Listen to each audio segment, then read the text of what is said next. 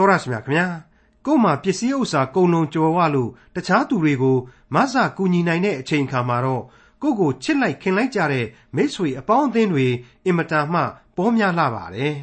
ဒါပေမဲ့အခအခွင့်မသိအကြောင်းမလာလို့ဆင်းရဲနွမ်းပါသွားတဲ့အချိန်ခါမှာတော့ကိုကိုချစ်လာခင်လာပါတယ်ဆိုတဲ့မိတ်ဆွေအပေါင်းအသင်းတွေဟာကိုကိုလှည့်မကြည့်တော့တာမျိုးတွေဖြစ်တတ်ကြပါတယ်မသိတဲ့သူလိုနေသွားရင်တော်သေးတာပေါ့ တစ်ချိန်ကကိုကိုခင်ပါတယ်မြင်ပါတယ်ဆိုတဲ့သူတွေဟာကိုကိုရန်သူလိုသဘောထားကြတဲ့အထိဖြစ်သွားကြတာမျိုးလဲရှိကြပါတယ်ဒါရင်မကကိုကိုဘယ်လိုညှင်းဆဲရမလဲလို့တောင်မကောင်းကြံစီတဲ့သူတွေဖြစ်သွားတတ်တာတွေကတော့ရင်တုမနာဖြစ်ရပါတယ်အဲ့ဒီလိုအဖြစ်တွေကိုရင်ဆိုင်ကြုံတွေ့ကြရသူတူရဲ့ပြန်လည်ဖော်ပြချက်တွေပါဝင်တဲ့ခရိယန်သမာကျမ်းဓမ္မဟောင်းကျမ်းပိုင်းတွေကယောဘဝိတ္ထုအခန်းကြီး16နဲ့အခန်းကြီး19တို့ကို ဒီကနေ့တင်ပြရသောတမန်ကျမ်းအစီအစဉ်မှာလေ့လာမှာဖြစ်ပါတယ်။ဒီလိုရင်ဆိုင်ကြုံတွေ့ရပြီမဲ့လို့လဲမျော်လင့်ချက်ကိုမစွန့်ဘဲနဲ့မယိုင်မလဲခိုင်ခိုင်မြဲခဲ့တဲ့အကြောင်းယောဘဝိတ္ထုအခန်းကြီး16နဲ့အခန်းကြီး19တို့ကိုဒေါက်တာထွန်းမြတ်ရေးကအခုလိုလေ့လာတင်ပြမှာဖြစ်ပါတယ်။ယောဘတယောက်ကတော့ဒေါရီနင်းကန်ပွားလိုက်အခုပဲသေတော့မလို့လို့ကြောင်ကရမ်းဖြစ်လိုက်နေအမျိုးမျိုးဖြစ်နေတယ်ဆိုတာကိုပြီးခဲ့တဲ့သင်ခန်းစာမှာကျွန်တော်တို့တွေ့ခဲ့ရပြီးပါပြီ အဲ့ဒီပြီးခဲ့တဲ့သင်ခန်းစာဏိဂုံးပိုင်းမှာအထူးသတိပြုရမှာကတော့ယောဘတယောက်စိတ်အလွန်ညစ်လာပြီးတဲ့နောက်ပိုင်းခမည်းကြီးတို့မြန်မြန်သွားကြစမ်းဗျာဆိုပြီးတော့သူ့ရဲ့မိတ်ဆွေကြီး၃ယောက်ကိုနှင်ထုတ်ပစ်ခဲ့တယ်ဆိုတဲ့အကြောင်းပါပဲကျွန်တော်အကြိမ်ကြိမ်ဖွင့်ဆိုခဲ့တဲ့အတိုင်းပဲအဲ့ဒီရှေးဟောင်းကာလတုန်းကဆိုရင်ယောဘတို့ခေတ်မှာတုန်းကဆိုရင်ကိုယ့်ရဲ့အတွေးအခေါ်အတတ်ပညာနဲ့အသိတရားတွေကိုလူပုံလယ်မှာပြိုင်ကြတာဟာခက်စားခဲ့ကြပါလေ အခုခေတ်လိုအားကစားပြိုင်ပွဲကြီးတွေအိုလံပစ်ပြိုင်ပွဲကြီးတွေပြိုင်စရာမရှိသေးတော့ညင်းကြခုန်ကြဒါကိုကသူတို့အဖို့အရသာကြီးတစ်ခုပဲဖြစ်ခဲ့လိမ့်မယ်ဆိုတဲ့သဘောမျိုးကျွန်တော်ဖော်ပြခဲ့ပါတယ်အဲ့ဒီလိုယောဘနဲ့ယောဘရဲ့မိတ်ဆွေကြီး၃ယောက်စကားများပြီးတော့အားပြိုင်နေကြတာကိုလေအဲ့ဒီတဝိုက်ကလူတွေဟာကြွက်စီကြွက်စီနဲ့ဝိုင်းကြည့်နေကြမှာအသေးချာပဲလို့ကျွန်တော်တွက်ဆဖော်ပြခဲ့ပြီးပါပြီဒါဟာဘလောက်ထိမှန်ကန်တယ်ဆိုတာကိုလေနောက်ပိုင်းမှာသက်သေထင်ရှားစွာတွေ့လာရအောင်မှာပါအဲ့ဒီလို ယောဘကဘလောက်ပဲနှင်းနှင်းမိษွေကြီး၃ယောက်ကတော့ပေစူးစူးနဲ့ကပ်ပြီးထိုင်နေကြစမြဲပဲသူတို့ကအခုလိုပြိုင်ပြီးပြောနေရတာအရသာတွေ့နေပြီလေပတ်ဝန်းကျင်ကလူတွေကလက်ခုပ်လက်ဝါးကလေးတီးလိုက်ကြရေမောလိုက်ကြနဲ့ဖြစ်နေတာကိုအရသာရှိနေပြီမြောက်ပင့်ပေးတာကိုအရသာရှိနေပြီယောဘနှင်ထုတ်တာနဲ့ပြန်သွားရတယ်ဆိုရင်လေဒီပညာပြိုင်ပွဲကြီးကနေအရှုံးပေးပြီးတော့ပြန်ရရောက်နေလိမ့်မယ်သူတို့ညံ့ရရောက်နေလိမ့်မယ်မဟုတ်ဘူးလားဒါကြောင့်အခုခေတ်ဆိုရင်တော့စူပါဂလူးလို့ကော်မျိုးနဲ့ကတ်ထားတယ်လို့ပဲပေါ့ မခွာနိုင်တော့ဘူးတောမှာဆိုရင်တော့ငှက်များကိုညောင်စေးနဲ့ကတ်ထားတယ်လို့နေမှာပေါ့ဘက်လက်ဘက်လက်နဲ့လीရည်စရာကြီးဖြစ်မနေဘူးလားအခုကြည့်ပါဒီကနေ့အခန်းကြီး16မှာဆိုရင်ယောဘသူတို့ကိုနှင်ထုတ်ညီးညူလို့အပီအမောဆွတ်တုတ်တုတ်နဲ့ဖြစ်နေတော့မှာပဲလက်သီးလက်မောင်းတန်းပြီးတော့ကတော်ကမျိုးဝင်ပြောတဲ့ဘိလဒတ်ဆိုတဲ့ပုဂ္ဂိုလ်ကြီးရဲ့အသံတွေကိုစပြီးကျွန်တော်တို့ကြားကြရပါတော့မယ်တဖန်ရှုအားအမျိုးသားဘိလဒတ်မွဲ့ဆိုသည်ကဤစကားသည်အဘယ်အခါမှပြတ်လိမ့်မည်နီ သတိပြုကြသို့မှသာငါတို့သည်စကားပြောကြမည်သင်သည်ငါတို့ကိုတိရစ္ဆာန်ကဲ့သို့အဘယ်ကြောင့်မှတ်သနည်းအဘယ်ကြောင့်မထီမဲ့မြင်ပြုသနည်းဘိလဒတ်ဆိုတဲ့ပုဂ္ဂိုလ်ကတမျိုးစကားရောဇယက်ရောကြမ်းတယ်ပြီးတော့ तू ကပိတ်တလေးနဲ့ဘေးပစ်တယ်လို့ပြောတတ်တယ်ဆိုတာကိုလည်းကျွန်တော်ရှင်းပြခဲ့ပြီးပြီပြီးတော့ तू ကတစိတ်ရှိရင်စာသံပေသံနဲ့အတိတ်သမိုင်းတွေကိုဆွဲဆွဲပြီးတော့အကိုအကားပြုတ်ပြီးတော့ဆရာလှုပ်တတ်တယ်ဆိုတာကိုလည်းကျွန်တော်တို့တွေးခဲ့ကြပြီးပါပြီအခုဆိုရင်ကြားကြရတဲ့အတိုင်းပါပဲ ဟေးယောဘမင်းကမပြောခြင်းပြီမဲ့ငါကပြောခြင်းသေးတယ်ကွာ break အုပ်လို့မရဘူးအဲ့ဒီသဘောပါပဲပြီးတော့မှတခါအေလိဖတ်နဲ့ဇောဖာတို့လာပြီးတော့နားထောင်တဲ့ပရိသတ်တို့ကိုပါဝေ့ပြီးတော့ကြည်ပြီးပြောဟန်ရှိတယ်သတိပြုကြတဲ့ဟိတ်နဲ့ဟန်နဲ့ပေါ့အပေါင်းအသင်းတို့ငါပြောတာဟုတ်တယ်မဟုတ်လားမောင်ရင်တို့သဘောတူကြတယ်မဟုတ်လားဆိုတဲ့သဘောမျိုးမဲဆွေတဲ့သဘောပေါ့မင်းဆိုတဲ့ကောင်ကပြောလီကဲလီမန်းလီပြဲလီနဲ့အလျှော့ကိုမပေးဘူးမင်းတိတ်တိတ်နေဖို့သင့်ပြီကွာအေး မင်းကတိတ်တိတ်နေဖို့သင့်ပြီမဲ့ငါတို့ကတော့မသင့်သေးဘူး။အိုကွာသင့်သင့်မသင့်သင့်ငါတို့တော့မနေကိုမနေနိုင်ဘူးပြောဦးပြောအောင်မယ်ငါတို့ပြောတာတွေကိုလေစစ်စစ်နားထောင်စမ်းဆိုတဲ့သဘောပါပဲ။တကယ်တော့ယောဘမင်းလဲတိတ်တော့ငါတို့လဲပါဇက်ပိတ်ထားတော့မယ်တိတ်တော့မယ်ဆိုတာကို तू ပြောရင်ဘလောက်ကောင်းလိမ့်မလဲလို့ကျွန်တော်ကတော့သေသေးချာစဉ်းစားမိပါတယ်တွေးမိပါတယ်သူတို့ဟာဘုရားသခင်ကသူတို့ကိုဘာပြောမလဲဆိုတာကိုသာစောင့်စားနားဆွင့်တိုက်ပြီလို့ကျွန်တော်ယူဆပါတယ် အမှန်တော့ဘုရားသခင်ဟာသူတို့အတွက်သင်ခန်းစာရယူဖို့ကောင်းလောက်အောင်ယောဘကိုစကားပြောဖို့ပြင်ဆင်နေပြီဖြစ်ပါတယ်သူတို့ကတော့ဘုရားသခင်စကားသံကိုနားထောင်ဖို့အရှင်းပြင်ဆင်ခြင်းမရှိဘဲနဲ့ငါစကားနွားရသည်ပဲရှောက်ပြောနေသေးပဲလို့ကျွန်တော်ခံမှန်းမိပါတယ်ခံမှန်းမိတာမဟုတ်ပါဘူးသေချာပေါက်ပါပဲအခုဘိလဒတ်စကားတွေထဲမှာနားထောင်ကြည့်ပါမင်းကငါတို့ကိုများတိရစ္ဆာန်လို့မပြောပါနဲ့ကွာဆိုတာဟာအတော်ကြီးကိုရည်စရာကောင်းတယ်အခုခေတ်စကားနဲ့ဆိုရင်တော့ဟေး လူကိုလူလိုမြင်ပါကွာဆိုတဲ့အနှစ်သာရရှိပါတယ်အခုလိုဘိလဒတ်ပြောတာဟာဗမာစကားအတိုင်းဆိုရင်တော့သခိုးကလူလူဟစ်ဆိုတယ်လို့ဖြစ်နေတယ်လို့ကျွန်တော်ယူဆပါတယ်အခုလိုသူကမေးနေတဲ့အချိန်မှာပဲသူတို့၃ယောက်ဟာယောဘလူသေဂာနီလူမမာကြီးကိုလူမမာကြီးအဖြစ်တောင်မှသဘောထားနိုင်ကြရဲ့လားဆိုတဲ့မိကွန်းမျိုးနဲ့ကိုယ့်ဘာသာကိုပြန်လဲဆန်းစစ်သင့်လာတယ်လို့ကျွန်တော်ဆိုချင်ပါတယ်ယောဘဝတ္ထုအခန်းကြီး78အငယ်၄အမျက်ထွက်၍မိမိကိုယ်ကိုကိုက်ဖြတ်တော်သူ သင်အတွက်မြေကြီးကိုစွန့်ရမည်လောကြောက်သည်မိမိနေရာမှရွှေ့ရမည်လောကဲကျွန်တော်ပြောတဲ့အတိုင်းပဲနော်သေကောင်ပေါင်းလဲဖြစ်နေတဲ့လူမမာကြီးယောဘအဲ့ဒါကိုဒေါသတကြီးနဲ့တွားပြီးပြောတယ်မင်းကိုယ့်ဘာသာကိုသေခြင်းနေတာကတော့ငါတို့လည်းဘာမှမတတ်နိုင်တော့ဘူးဟေမင်းတိုင်းနဲ့မင်းကန်တဲ့ပြီးတော့မှဘာလဲကွာမင်းအတွက်ပဲဘုရားသခင်ကဒီကဘာကြီးကိုအစင်မပြေရင်ပြေအောင်တမင်ပြောင်းလဲပေးရမယ်ဆိုပြီးမင်းကအောက်မေ့နေသလားတဲ့စူပွားစူပွားနဲ့ရန်တွေ့တယ် တကယ်တမ်းဒေါသကြီးနေတာကသူ့ကိုယ်တိုင်ပါဒီနေရာမှာသေသေးချာစဉ်းစားကြည့်မယ်ဆိုရင်ယောဘဒေါသကြီးတာကအများကြီးကြည့်လို့ကောင်းတယ်ဒေါသကြီးလောက်အောင်ကိုဘဝပြက်နေတယ်မဟုတ်ဘူးလားဒေါသကြီးမယ်ဆိုရင်ကြီးလောက်တယ်လေသူတို့ကဘာမှဒေါသကြီးစရာမရှိတဲ့လူကောင်းအကောင်းပဂရိကြီးတွေအဲ့ဒါဒုက္ခိတနဲ့ဖဲ့ပြီးတော့ဒေါသကြီးနေပြီမိษွေဘဝကနေရန်သူအခြေအနေနာအထိတောင်ရောက်ရှိနေပြီလို့ကျွန်တော်ယူဆပါတယ်စံမဲဆိုပါတော့ယောဘဝတ္ထုအခန်းကြီး78အငယ်9 အကယ်စင်စစ်သိုးသောသူ၏အလင်းကွယ်လိမ့်မည်သူ၏မိရှံမတောက်ရထုံးစံအတိုင်းပဲနော်ဘိလက်တက်ကမဆိုးဘူးစာနဲ့ပေနဲ့ပြောချလိုက်တာချောနေတာပဲသူ့ဟာနဲ့သူမမှန်ဘူးလားဆိုရင်တော့မှန်ပါတယ်လူစိုးမှန်ရင်ဒီလိုပဲအလင်းအောင်ကွယ်မယ်တနေ့နေ့ဖုံးနေသွားရမယ်ဆိုတဲ့လူမိုက်တို့သွားရလမ်းပဲပေါ့ရာဇဝတ်ဘေးပြေးမလို့ဘူးဆိုတယ်မဟုတ်ဘူးလားဒါပေမဲ့အဲ့ဒီမဟာဒသနရောင်ရောင်ဘာရင်ရောင် philosophy ကြီးဟာယောဘအခုပြဿနာနဲ့ဘာဆိုင်တယ်လဲလို့မေးမယ်ဆိုရင်တော့ဘာမှမဆိုင်ဘူး ကြားကြိုက်ပါတယ်ဆိုတဲ့လူနာကိုသွားကြိုက်တယ်ဆိုပြီးတော့ဗဇက်ဟာခိုင်းပြီးဟိုကလော်ဒီကလော်လောက်တာ ਨੇ အတူတူပဲဖြစ်နေပါတယ်ယောဘဝတ္ထုအခန်းကြီး78အငယ်6မှ10သူဤနေရာအလင်းလေမှောင်မိုက်ဖြစ်လိမ့်မည်သူဤစီမီလေသေလိမ့်မည်ခိုင်ကန့်စွာသွားသောအခါကျင်းမြောင်းရာသို့ရောက်လိမ့်မည်မိမိအကြံအစီအားဖြင့်ရှုံးရလိမ့်မည်ပိုက်သေးသို့အလိုလိုဝင်တတ်၏ကြော့ကွင်းပေါ်မှနင်းတတ်၏ဂိုင်းပြုတ်၍ခြေကိုမိသဖြင့်ကြော့ကွင်းနှင့်မကျွတ်နိုင်ဘဲနေရ၏ မြေ၌ဂျမ်းကျိုးကိုသူ့အဖို့ဖွက်ထားလျက်သူသွားရလမ်း၌ထောင်ချောက်ကိုပြင်လျက်ရှိ၏အခုဘိလဒတ်ပြောနေတာတွေဟာတရသေးဆန်နေပါလေလောကမှာဖြစ်ချင်းပြက်ချင်းတွေအမျိုးမျိုးကိုဘယ်တော့မှသင်္ချာနီးနဲ့တွက်လို့မရနိုင်ပါဘူးအသေးဆုပ်ကင်ထားလို့လည်းမရနိုင်ပါဘူးအသေးဆုပ်ကင်တဲ့အရာရဲ့လို့ကျွန်တော်လူဘဝမှာအသက်ရှင်တော်မူသောဘုရားသခင်ကိုယုံကြည်ကိုးကွယ်ခြင်းဆိုတဲ့အချက်တစ်ခုသာရှိပါတယ်ဒါကိုကျွန်တော်အလေးနဲ့မှတ်ကြုံထားကြရပါမယ်အထူးသဖြင့် ဘိလဒတ်ပြောခဲ့တဲ့အချက်တွေတဲကမိမိအကြံအစီအားဖြင့်ရှုံးလိမ့်မည်တနည်းအားဖြင့်ကိုယ့်ဟာနဲ့ကိုယ်ဒုက္ခရောက်လိမ့်မည်ဆိုတာဟာယောဘရဲ့ဖြစ်စဉ်နဲ့တခြားစီဖြစ်နေပါတယ်အခုယောဘဟာကိုယ့်ဖာသာကိုဒုက္ခရောက်တာအရှင်းမဟုတ်ပါဘူးဖျားသခင်ရဲ့အကြံအစီတော်အလိုတော်ရဲ့အောက်မှာဘယ်လူသားမှမလွတ်သားတဲ့လောကရန်ဆင်းရဲခြင်းကိုဖျားသခင်ရဲ့စေတလုံးအမိတ်နဲ့ဖြစ်စေတည်းဆိုတဲ့စာရန်ကိုခွင့်ပြုမိန်အရသာဖြစ်နေရတယ်ဆိုတာကိုကျွန်တော်နားနဲ့ဆက်ဆက်ကြားခဲ့ရပြီးသားပါ ယောဘဝတ္ထုအခန်းကြီး78အငယ်7မှ18ကြောင်းမဲ့ဖွယ်သောအချင်းအရာတို့သည်ဝိုင်း၍ကြက်တီးစွာလိုက်နှင်ကြလိမ့်မည်သူသည်ငတ်မွတ်သောအဖြစ်အားလျော့လျက်ပျက်စီးခြင်းဘေးနှင့်တွေ့လူလျက်ရှိ၏ထိုဘေးသည်သူ၏အယိုးတို့ကိုကိုက်ခဲ၍သေမင်း၏သားဦးသည်သူ၏ခွန်အားကိုမျိုးလိမ့်မည်သူခိုလုံရာအကြောင်းကိုသူ၏နေရာမှပယ်ရှင်း၍သူ့ကိုဘေးဒဏ်တို့၏ရှင်ဘရင်ထံသို့ဆောင်သွားရ၏သူ၏နေရာ၌အရှင်မရှိ ပျက်စီးခြင်းဘေးနေ၍အမိုးပေါ်မှကန့်ဖြူးလျက်ရှိလိမ့်မည်သူ၏အမြစ်တို့သည်သွေးချောက်လျက်အခက်အလက်တို့သည်လည်းသေလျက်ရှိကြလိမ့်မည်မြေပေါ်မှသူ့ကိုအောက်မေ့စရာအမှတ်ပျောက်ပြက်၍ပွဲသဘင်၌သူ၏နာမကိုအဘယ်သူမျှမခေါ်မပြောပြီးခဲ့တဲ့ကျမ်းတွေကလေးကဘိလဒတ်တို့ရဲ့အဖွဲ့အကြောင်းကိုကျွန်တော်ပြောခဲ့ပြီးပါပြီသူတို့ပြောတာတွေဟာယောဘရဲ့အဖြစ်မှန်တဲ့သာမစီမဆိုင်တခြားစီဖြစ်နေကြတာသူတို့အုံနောက်ကနေတော့အကောင်းဆုံးတွေးပြီးတော့ဆွတ်ဆွတ်ရွရွပြောခြင်းတွေဖြစ်လို့ မဆိုင်တဲ့တခြားလမ်းကြောင်းတွေအပေါ်မှာတော့မှန်ကန်မှုတွေအများကြီးရှိနေတယ်ဆိုတာကိုမငြင်းနိုင်ဘူးဆိုတဲ့အချက်ကိုကျွန်တော်ဖော်ပြခဲ့ပြီးပါပြီအကယ်၍သာယောဘဟာတထေးကြီးယောဘဘဝမှာရွှေကလေးမှာလဲလျောင်းရင်းနဲ့ ice cream လေးစားပြီးတော့နားထောင်နေမယ်ဆိုရင်တော့ဝိညာဉ်ခွန်အားအတွက်အလွတ်လိုက်ပြီးကြက်ထားရင်ကြက်နိုင်တဲ့လောက်အကျိုးရှိနိုင်တဲ့အချက်တွေပါအတော်ကြီးအဖိုးတန်တဲ့စကားတွေဖြစ်လိမ့်မယ်လို့ကျွန်တော်ထင်ပါတယ် ခက်နေတာကတော့အခြေခံပု္ပ္ပာကိုမဖြေရှင်းနိုင်တဲ့အတွက်ကြောင့်အဖြေမှန်မရရှိနိုင်သလိုယောဘအတွက်လည်းဘာဆိုဘာမှအကျိုးမပြုနိုင်ပဲရှိနေရခြင်းပါပဲ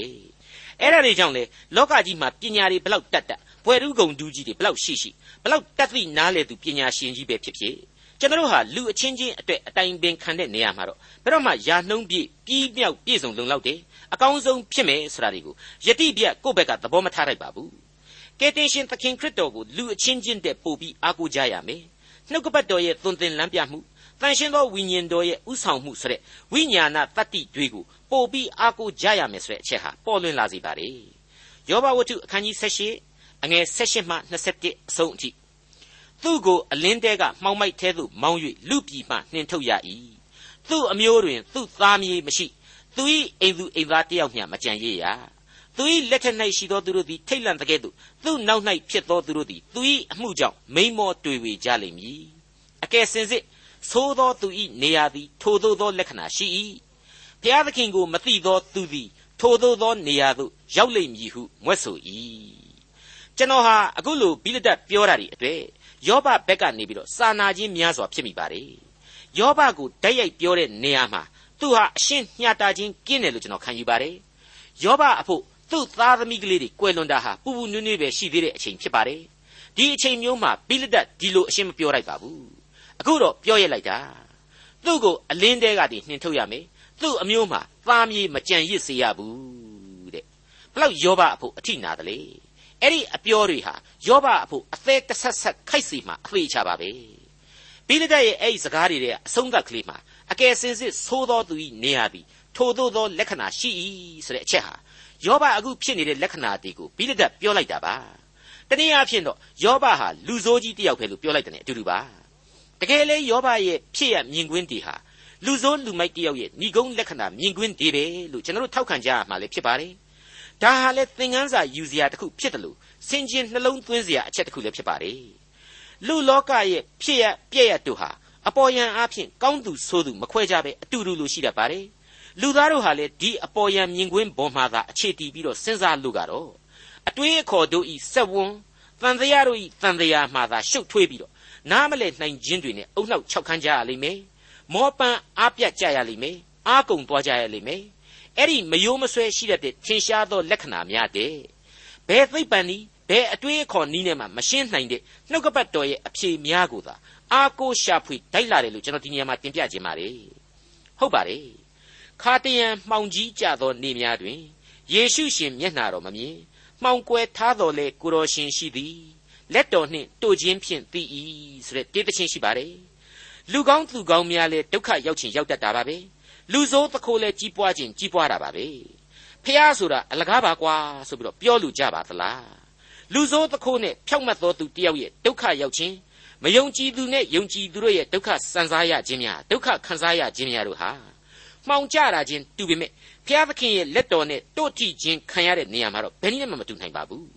ဒါကိုယောမဩဝါဒစာသင်ခန်းစာမှာတုန်းကယုံကြည်ခြင်းတရားဟာသေမှအကျိုးရှိတာမဟုတ်ဘူးလောကမှာကလေးကလေအကျိုးရှိတာပဲဆိုပြီးတော့ကျွန်တော်နားလည်ခဲ့ကြပြီဖြစ်ပါတယ်အဲ့ဒီယုံကြည်သူတို့အတွက်အံ့ဘွယ်သောထူးခြားချက်ကတော့တခြားမဟုတ်ဘူးလူတို့ကြံစီ၍မမိနိုင်သောငြိမ်သက်ခြင်းဆိုတဲ့အေယာမအခွင့်အရေးကြီးဖြစ်ပါတယ်အဲ့ဒီငြိမ်သက်ခြင်းဟာကျွန်တော်ကြံလို့မမိနိုင်ဘူး စီရင်လို့မရနိုင်ဘူးဆိုတာပေါ်နေပါပြီအဲ့ဒီဓမ္မတိချင်းမှာပဲအပိုက်သုံးမှာကြတော့လမ်းသည်မှောင်သောကြောင့်မမြင်နိုင်သောခါကိုတော်ရှင်အလိုပင်ဝန်ချဆိုပြီးတော့ထပ်မံတွေ့ရတော့အလိုတော်ဆိုတဲ့အချက်ဟာဘလောက်ကြီးအရေးကြီးသလဲ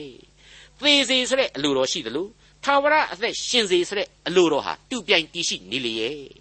လက်တွေ့ဘဝအမြင်အဖြစ်သေစေဆိုတဲ့အလိုတော်ရှိနေတာကိုတော့ကျွန်တော်တို့အားလုံးသိပြီလို့လေသေခြင်းကိုကြောက်တဲ့အတွက်ကြောင့်ဖះကိုရှာတယ် တရားကိုရှာတယ်ဒီအခါမှာသေစေလို့ဆိုသူဟာတဖန်ထာဝရအသက်ကိုပေးနိုင်ပါကလားဆိုတဲ့အသည့်တရားနဲ့ဘဝကိုကြော်လွှားနှံ့ရင်ဘလောက်ထိကောင်းမလဲလို့ကျွန်တော်တွေးမိပါတယ်အဲ့ဒီသိချင်းရဲ့ဏိကုံးအပိုက်ကြတော့သေမင်းတကိုးကြောင့်သေခြင်းဤသောအခါကျွန်ုပ်သည်တယောက်ကြီးရှိမည်သို့တော်လေသေခြင်းမြစ်ကိုကူသောအခါလက်တော်ဖြင့်ကိုတော်ဆောင်ဖို့မည်တဲ့အဲ့ဒီအချက်ကလေးကိုတွေ့ရပြန်တော့အကြောက်ရဆုံးသောအချိန်ကာလမှာပင်လျှင်မြင်ရပြန်သောကျေးဇူးတော်အဖြစ် ဘုရားသခင်အလိုတော်၌ကိုကိုကိုအနှံလိုက်ခြင်းတဲ့ပုံမကောင်းမြတ်သောလမ်းဘယ်မှမရှိနိုင်တော့ဘူးဆိုတာကိုယတိပြတ်အဖြစ်အဖြစ်ကျွန်တော်တို့မြင်တွေ့လာရပါတော့တယ်မိษွေအပေါင်းတို့လောလောလတ်လတ်ဒုက္ခတွေပင်လယ်ဝေးနေရရှာသူယောဘရဲ့မိษွေကြီးဘိလဒတ်ကတော့ယောဘယာတဲ့မင်းဆိုတဲ့ကောင်ကလူဆိုးလည်းဖြစ်တယ်ဘုရားသခင်ကိုလည်းမသိတဲ့လူလည်းဖြစ်လိမ့်မယ် ဒါကြောင့်မို့အဲ့ဒီလူမိုက်တို့သွားရလမ်းအတိုင်းမင်းသွားရတာဟာဘာမှမဆန်းပါဘူးဆိုတဲ့သူတွေးနိုင်သမျှထဲမှာနောက်ထပ်တွေးစရာမရှိတဲ့စကားနဲ့ယောဘကိုပြောရင်အခန်းကြီး16ဟာပြီးဆုံးသွားပါပြီအခုအခန်းကြီး16စီကိုကျွန်တော်ဆက်လက်တင်ပြသွားခြင်းပါတယ်ယောဘဝတ္ထုအခန်းကြီး16အငယ်1မှ3ယောဘပြန်၍မွဲ့ဆိုသည်ကသင်တို့သည်ငါစိတ်ဝိညာဉ်ကိုနှောက်ယှက်၍အဘယ်မျှကာလပတ်လုံးသင်တို့စကားဖြင့်ငါကိုချိုးဖဲ့ကြလိမ့်မည်နီ ဆယ်ချိန်မြောက်အောင်ငါကိုကဲ့ရဲ့ကြပြီငါကိုမိန်မောတွေ့ဝေစေခြင်းဟာအရှက်မရှိဘဲပြုကြပြီမိษွေသောတာရှင်တို့တော့ဘယ်လိုခံယူကြမလဲမသိဘူးကျွန်တော်ရဲ့ကိုယ်ပိုင်အတွေးထဲမှာတော့ယောဘတယောက်ဟာဒုက္ခဝေဒနာတွေဖိစီးလွန်းအားကြီးတော့ညံ့သွားပြီသိငယ်သွားရပြီအဲ့ဒီလိုကျွန်တော်ယူဆပါတယ်အကယ်၍သာသူဟာဘုရားသခင်စီမှာစိတ်ဝိညာဉ်အတောင်ပံကိုဖွင့်ပြီးတော့တည်မိနိုင်ပြီဆိုရင်အကောင်းဆုံးလှုပ်ဆောင်ချက်အဖြစ်ပါဇက်ကိုပိတ်ထားလိုက်ဖို့သာရှိတယ်လို့ကျွန်တော်ယူဆပါတယ်အခုတော့ ယောဘတယောက်ဟာဒီလူတွေရဲ့စကားတွေအပေါ်မှာသာအာယုံရောက်နေတယ်မခံမရနိုင်ပဲနဲ့ခြေပခုခံနေတယ်ဆိုတာကိုကျွန်တော်တို့တွေ့ရပါတယ်ဒါဟာအလွန်မှားပါတယ်ထူးဆန်းနေတာကတော့အဲ့ဒီလိုမခံခြင်းစိတ်များအသီးသီးနဲ့ကိုကိုကိုခုခံကာကွယ်တတ်တဲ့အကျင့်ဟာယောဘသာမဟုတ်ဖ ೇನೆ ကျွန်တော်မိษွေတို့အပါအဝင်လူသားတွေအားလုံးရဲ့မသိမချင်းကျင့်သုံးတတ်တဲ့အကျင့်ပေါင်းများစွာတွေကတခုသောအကျင့်ဆိုးကြီးဖြစ်နေခြင်းပါပဲမိษွေအပေါင်းတို့ အသက်တာမှာကယ်တင်ရှင်သခင်ခရစ်တော်အတွက်ကလွဲလို့ကျွန်တော်တို့အဖို့ကြွားစရာဝါစရာအကြောင်းဘာမှမရှိသလိုဘုရားသခင်ကိုယုံကြည်ရခြင်းအတွက်သာလျှင်ခုခံကာကွယ်ဖို့လိုတယ်ခုခံကာကွယ်တယ်ဆိုတာဟာဓာတ်နဲ့ခုတ်ဒုံနဲ့ရရတဲ့ခုခံကာကွယ်ခြင်းမျိုးအရှင်းမဟုတ်ပါဘူးအလွန်မြင့်မြတ်တဲ့အသက်လမ်းကနေကိုယ်လည်းမလွဲချော်ရဘူးသူများလည်းရယူစေရမယ်ဆိုတဲ့ယတိပြတ်စိတ်ထားမျိုးနဲ့ခိုင်မာစွာကာကွယ်ရမယ်လုံခြုံစွာအားဖြည့်ပေးရမယ်ဆိုတဲ့သဘောတရားကိုဆိုလိုခြင်းသာဖြစ်ပါတယ် ယောဘဝတ္ထုအခန်းကြီး19အငယ်၄မှ7ငါပြစ်မှားပြီမှန်စီတော့ငါအပြစ်နှင့်သာငါဆိုင်၏သင်တို့သည်ငါအပေါ်မှာဝါကြွား၍ငါအရှက်ခံရသောကြောင့်ငါ၌အပြစ်တင်ကြတော်လေဘုရားသခင်သည်ငါကိုလှဲ၍မိမိကြော့ကွင်း၌ကြော့မိတော်မူကြောင်းကိုသိမှတ်ကြလော့ငါသည်ကိုခံရသောညှင်းဆဲခြင်းကိုအကြောင်းပြု၍မြည်တမ်းတော်လေအဘယ်သူမျှနားမထောင်အော်ဟစ်တော်လေတရားသဖြင့်စီရင်တော်သူမရှိ ငါမသွားနိုင်အောင်ငါရှိမှအစည်းအကာပြု၍ငါသွားရလမ်း၌မှောင်မိုက်ကိုထားတော်မူပြီငါဂုံအသရေကိုချွတ်၍ငါခေါင်းကဘောင်းတရဖူကိုချတော်မူပြီငါကိုဝိုင်း၍ဖျက်ဆီးတော်မူသဖြင့်ငါပျောက်ကုန်ပြီတစ်ပင်ကိုနှုတ်တဲ့ကဲ့သို့ငါမျောလင့်ရသောအခွင့်ကိုနှုတ်တော်မူပြီငါ၌အမျက်တော်ကိုနှိုးဆော်၍ငါကိုရန်သူကဲ့သို့မှတ်တော်မူ၏ဒီအပိုင်းတွေကဖော်ပြချက်တွေအရာယောဘဟာသူခံစားရတာတွေဟာ ဖျားသခင်ကခံစားစေတာဖြစ်တယ်ဆိုတာကိုနားလည်ကြောင်းသိစေပါတယ်တစ်ချိန်တည်းမှာဘာကြောင့်အခုလိုခံစားစေခြင်းဖြစ်တယ်ဆိုတဲ့အကျိုးအကြောင်းများကိုတော့လေသူဟာမသိရှိဘူးဆိုတာဟာရှင်းနေပါတယ်အငယ်7မှ22စစ်ချီလာ၍စစ်သူရဲတို့သည်ငါရှိသူရောက်ချင်းဟာကျုံတူး၍ငါပတ်လည်၌တက်ချကြ၏ငါညီအကိုတို့ကိုငါနှင့်ကြွာဝေးစေတော်မူ၏ငါအသည့်ကျွမ်းတို့သည်ငါကိုမသိရိုင်းသောသူဖြစ်ကြ၏ ငါပေါက်ဖော်တို့သည်ငါကိုစွန့်၍ငါတငယ်ချင်းတို့သည်ငါကိုမေ့လျော့ကြ၏ငါကျွန်မများငါအိမ်သူအိမ်သားများတို့သည်ငါကိုဧည့်သည်ကဲ့သို့၎င်းတကြွတနိုင်ငံသားကဲ့သို့၎င်းမှတ်ကြ၏ငါကျွန်ကိုငါခေါ်သောအခါသူသည်မထူးသူ့ကိုနှုတ်ဆက်၍တောင်းပန်ရ၏ငါမယားသည်ငါအသက်လေကို၎င်းငါသားသမီးတို့သည်ငါမြည်တမ်းခြင်းအသံကို၎င်းယွန်ကြ၏သူငယ်တို့သည်လည်းငါကိုမထီမဲ့မြင်ပြု၍ငါထသောအခါကဲ့ရဲ့ကြ၏ ငါမိတ်ဆွေတို့သည်ငါကိုယွန်၍ငါချစ်သောသူတို့သည်ငါရန်သူဖြစ်ကြ၏ငါအရေးအသားသည်ငါအယိုးတို့၌ကပ်လျက်ရှိကြ၏တဖုံးတစ်ခုသာပါလျက်ငါပြေးလွတ်ရ၏အိုးအဆွေခင်ပွန်းတို့ငါကိုသနာကြပါငါကိုသနာကြပါဖျားသခင်၏လက်တော်သည်ငါကိုထိခိုက်ပါပြီဖျားသခင်ညှင်းဆဲတော်မူသည်နိတုအဘယ်ကြောင့်သင်တို့သည်ညှင်းဆဲကြသနည်းအဘယ်ကြောင့်ငါအသားကိုစား၍မယောင်ရဲပဲနေကြသနည်းမြုပ်ကွက်တွေကိုဒီနေရာမှာဖော်ထုတ်လို့ရရှိလာပါတယ် ယောဘရဲ့တပည့်တမန်တွေအချွေအရန်တွေတဲကစာရန်ခြံလှပ်ထားတဲ့လူတွေဟာလေယောဘကိုသစ္စာဖောက်ကုန်ကြပြီကိုယ့်အထုပ်ကိုပိုက်ပြီးတော့စွန့်ပြေးကုန်ကြပြီဆိုတာကိုနားလည်လာရပါတယ်ယောဘဝတ္ထုအခန်းကြီး7အငယ်23မှ26ငါစကားကိုယခုရေးမှတ်ပါစေသောစည်ရင်၌သွင်းထားပါစေသောခဲပြားပေါ်မှာကညစ်နှင့်အခရာတင်လျက်ကြောက်စာထိုးလျက်မြဲပါစေသော ငါကိုရွေးနှုတ်သောသခင်သည်အသက်ရှင်၍နောင်ကာလ၌မြေမှုန့်အပေါ်မှာပေါ်လာတော်မူမည်ဟု၍၎င်းငါအရေးကုန်ပြီးမှဤကိုကိုပင်ဖြစ်စည်းတော်လေငါသည်ကိုခန္ဓာ၌ဘုရားသခင်ကိုမြင်မည်ဟု၍၎င်းငါသိ၏အလွန်အရေးကြီးတဲ့အချက်တွေကိုယောဘဖော်ပြလိုက်ပါတယ်ဒါဒါဟာကျွန်တော်တို့အဖို့ဗျာဒိတ်စကားတွေပဲလို့ကျွန်တော်သတ်မှတ်ပါတယ်ယောဘဟာသူ့ရဲ့အံ့ဩပွေကြေကွဲဝန်းနေပွေယဉ်နှင်းပွေအဖြစ်တည်နေတကွသူ့မိတ်ဆွေတွေကိုသူတုံ့ပြန်တဲ့အချက်တွေကိုပါမှတ်တမ်းတင်တိုက်တယ် အခိုင်အမာကပီးသစ္စာတည်စေအပ်တယ်ဒီမှတ်တမ်းများအားဖြင့်သာဝရအသက်လမ်းရဲ့တည်ရှိခြင်းကိုသိစေရမယ်လို့ပြောလိုက်ပါတယ်ကျွန်တော်တို့သိထားခဲ့တဲ့အတိုင်းပဲယောဘဝတ္ထုဆိုတာဟာကဘာဦးကျမ်းရဲ့မလှမ်းမကန့်ကဖော်ပြတဲ့သမိုင်းမှတ်တိုင်တစ်ခုဖြစ်ပါတယ်နှုတ်ကပတ်တော်ဟာဒီလောက်အထိအိုမင်းတဲ့ရှေးဘဝသရုပ်ဖော်ဝတ္ထုတစ်ခုမှတစ်ဆင့်အသက်လမ်းရဲ့အမှန်တည်ရှိခြင်းကိုဖော်ပြနေပါတယ်ငါအရေးကုန်ပြီးမှငါကိုကိုပင်ဖြစ်စည်းတော်လေ ငါသည်ကိုခန္ဓာ၌ဘုရားသခင်ကိုမြင်မီဟု၍၎င်းငါသိ၏အဲ့ဒီဝကြတပိုက်ဟာအလွန်လေးနက်တဲ့ရှင်ပြန်ထမြောက်ခြင်းအကြောင်းကိုကောင်းစွာမိမောင်းထိုးဖော်ပြလိုက်ခြင်းပါပဲယောဘဝတ္ထုအခန်းကြီး19အငယ်28မှ29ငါဘက်၌နေတော်မူသောဘုရားသခင်ကိုငါမြင်မည်သူတစ်ပါးမြင်သည်သာမကငါသည်ကိုမျက်စိနှင့်ဖူးမြင်မည်ထိုသို့မျှော်လင့်၍ငါကြောက်ကပ်သည်ပြည့်လျက်ရှိ၏ ယခုမှသင်တို့ကငါတို့သည်သူ့ကိုအဘယ်သို့ညှင်းဆဲရမည်နည်းသူ၌အပြစ်တင်သောအခွင့်ကိုအဘယ်သို့တွေ့ရမည်နည်းဟုဆိုကြသည်ဖြစ်၍ဓာဘေးကိုကြောက်ကြလော့အကြောင်းမူကားအမျက်တော်သည်ဓာဘေးဖြင့်အပြစ်ပေးတတ်၏အပြစ်စီရင်ရသောအချိန်ရှိကြောင်းကိုသိမှတ်ကြလော့ဟုမွဲ့ဆို၏မိษွေတော်တတ်ရှင်အပေါင်းတို့ခမညာယောဘဟာကိုယ့်ကိုယ်ကိုခုခံကာကွယ်ခဲ့တယ်မခံကျင်စိတ်ပြင်းပြလွန်းနေဆိုတဲ့အချက်ကိုကျွန်တော်အထက်ကသင်ခန်းစာတွေမှာဖော်ပြခဲ့ပါတယ် အခုအချိန်မှာတော့သူ့ရဲ့ခိုင်မာတဲ့ယုံကြည်ခြင်းစိတ်ဓာတ်ကိုသူဟာပြောင်းလဲဖော်ပြလိုက်ပြန်တယ်လို့ကျွန်တော်ဆိုချင်ပါတယ်ဒီတော့လေယောဘဝတ္ထုအစမှာကလေးကဖော်ပြခဲ့တဲ့ဘုရားသခင်ကိုကြောက်ရွံ့သူစုံလင်ဖြောင့်မတ်သူဆိုတဲ့ဂုံပုတ်တွေအတိုင်းသူဟာအမှန်တကယ်သရုပ်ပြည်ပြင်းသွားခဲ့ပြန်ပြီလို့ကျွန်တော်တို့ပြောင်းလဲတွေ့မြင်ရမှာဖြစ်ပါတယ်ဟုတ်ပါတယ်ဘုရားသခင်ကိုမျှော်လင့်ရခြင်းအတွက်ကြောက်ကပ်ပင်ပြက်လျက်ရှိ၏ဆိုပြီးတော့သူဖော်ပြလိုက်ပါတယ်သူဟာလောကရန်ဆင်းရဲခြင်းတွေအပြင်သူ့ဘာသာဘာဝအလျောက် သေခြင်းစိတ်တောင်ဖြစ်ပေါ်ခဲ့တယ်ဆိုတာကိုကျွန်တော်တို့ဘယ်လို့မှမငင်းနိုင်အောင်တွေ့ကြရပြီဖြစ်တယ်လို့အဲ့ဒီလူတဘာဝအားနေခြင်းများနဲ့အပြိုင်ဒီသေခြင်းတရားရဲ့နောက်မှာအသက်လမ်းကိုသူမျှော်လင့်နေတယ်ဆိုတာကိုသူ့ရဲ့စကားသံတွေဟာအလွန်ပြည်ပြင်းစွာဖော်ပြနေပါတယ်ငါစကားကိုယခုရေးမှတ်ပါစေသောစည်ရင်၌သွင်းထားပါစေသောခဲပြားပေါ်မှာကညစ်နှင့်အခရာတင်လျက်ကြောက်စာထိုးလျက်မြဲပါစေသော ငါကိုရွေးနှုတ်သောသခင်သည်အသက်ရှင်၍နောင်ကာလ၌မြေမှုန့်အပေါ်မှာပေါ်လာတော်မူမည်ဟု၍၎င်းငါအရေးကုန်ပြီးမှဤကိုကိုပင်ဖြစ်စည်းတော်လေငါသည်ကိုခန္ဓာ၌ဖျားသခင်ကိုမြင်မည်ဟု၍၎င်းငါသိ၏ငါဘက်၌နေတော်မူသောဖျားသခင်ကိုငါမြင်မည်သူတို့ဘာမြင်သည်သာမကငါသည်ကိုမျက်စိနှင့်ဖူးမြင်မည်ထိုသို့မျှော်လင့်၍ငါကြောက်ကပ်သည်ပြက်လှ၏တဲ့အလွန်ကောင်းတဲ့စကားတွေပဲဖြစ်ပါတယ် လူသားတို့ရဲ့အသက်တာတစ်ခုစီမှာလူတိုင်းအတွက်မျှော်လင့်ချက်တွေအမျိုးမျိုးရှိနေတယ်ဆိုတာကိုကျွန်တော်တို့မေ့ထားလို့မရနိုင်ပါဘူးမျှော်လင့်ချက်မရှိတဲ့အသက်တာဆိုတာဟာလေတကယ်တော့တိရစ္ဆာန်လောကရဲ့အသက်တာမျိုးသားတင်ဖြစ်ပါတယ်လူဆိုတဲ့ဖန်ဆင်းကံအထူးသတ္တဝါ